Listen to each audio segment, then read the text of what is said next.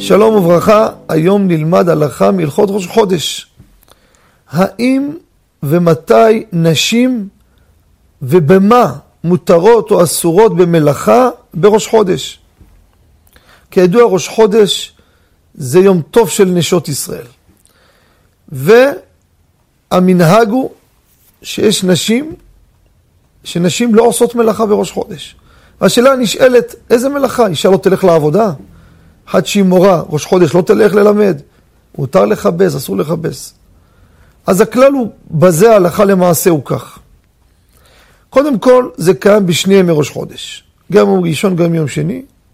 כשחל, שניהם חלים באמצע השבוע, אז השאלה היא רלוונטית במלאכה בשני הימים.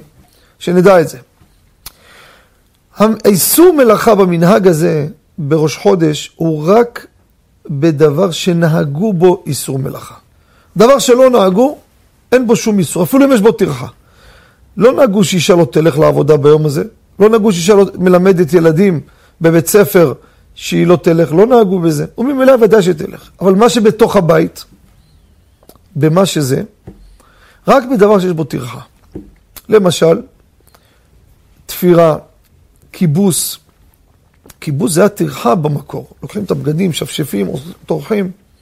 אבל היום גם הכיבוס שינה צורה. אין בו טרחה, אתה מכניס למכונה, המכונה עושה את הכל. מקרה כזה, מעיקר הדין, נשים מותרות לכבס בחול המועד, אין בזה טרחה.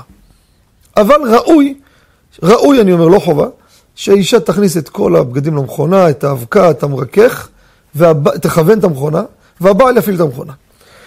אבל, שימו לב, כיבוס אמרתי אין בעיה, אבל לתלות את הכביסה בחבל, אני אומר לאישה אל תתלי, פה יש טרחה. מי יתלה? האיש יתלה, או לא יתלו, זה עד אחרי ראש חודש. מייבש כביסה חשמלי, את יכולה לייבש, זה לא טרחה, לזרוק למכונה ונגמר, אין בעיה. אבל לתלות כביסה זה טרחה, בזה הכללים של מלאכה בראש חודש. תודה רבה, וחודש טוב ומבורך לכל עמו בית ישראל, בכל מקום שהם, לטובה ולברכה, אמן.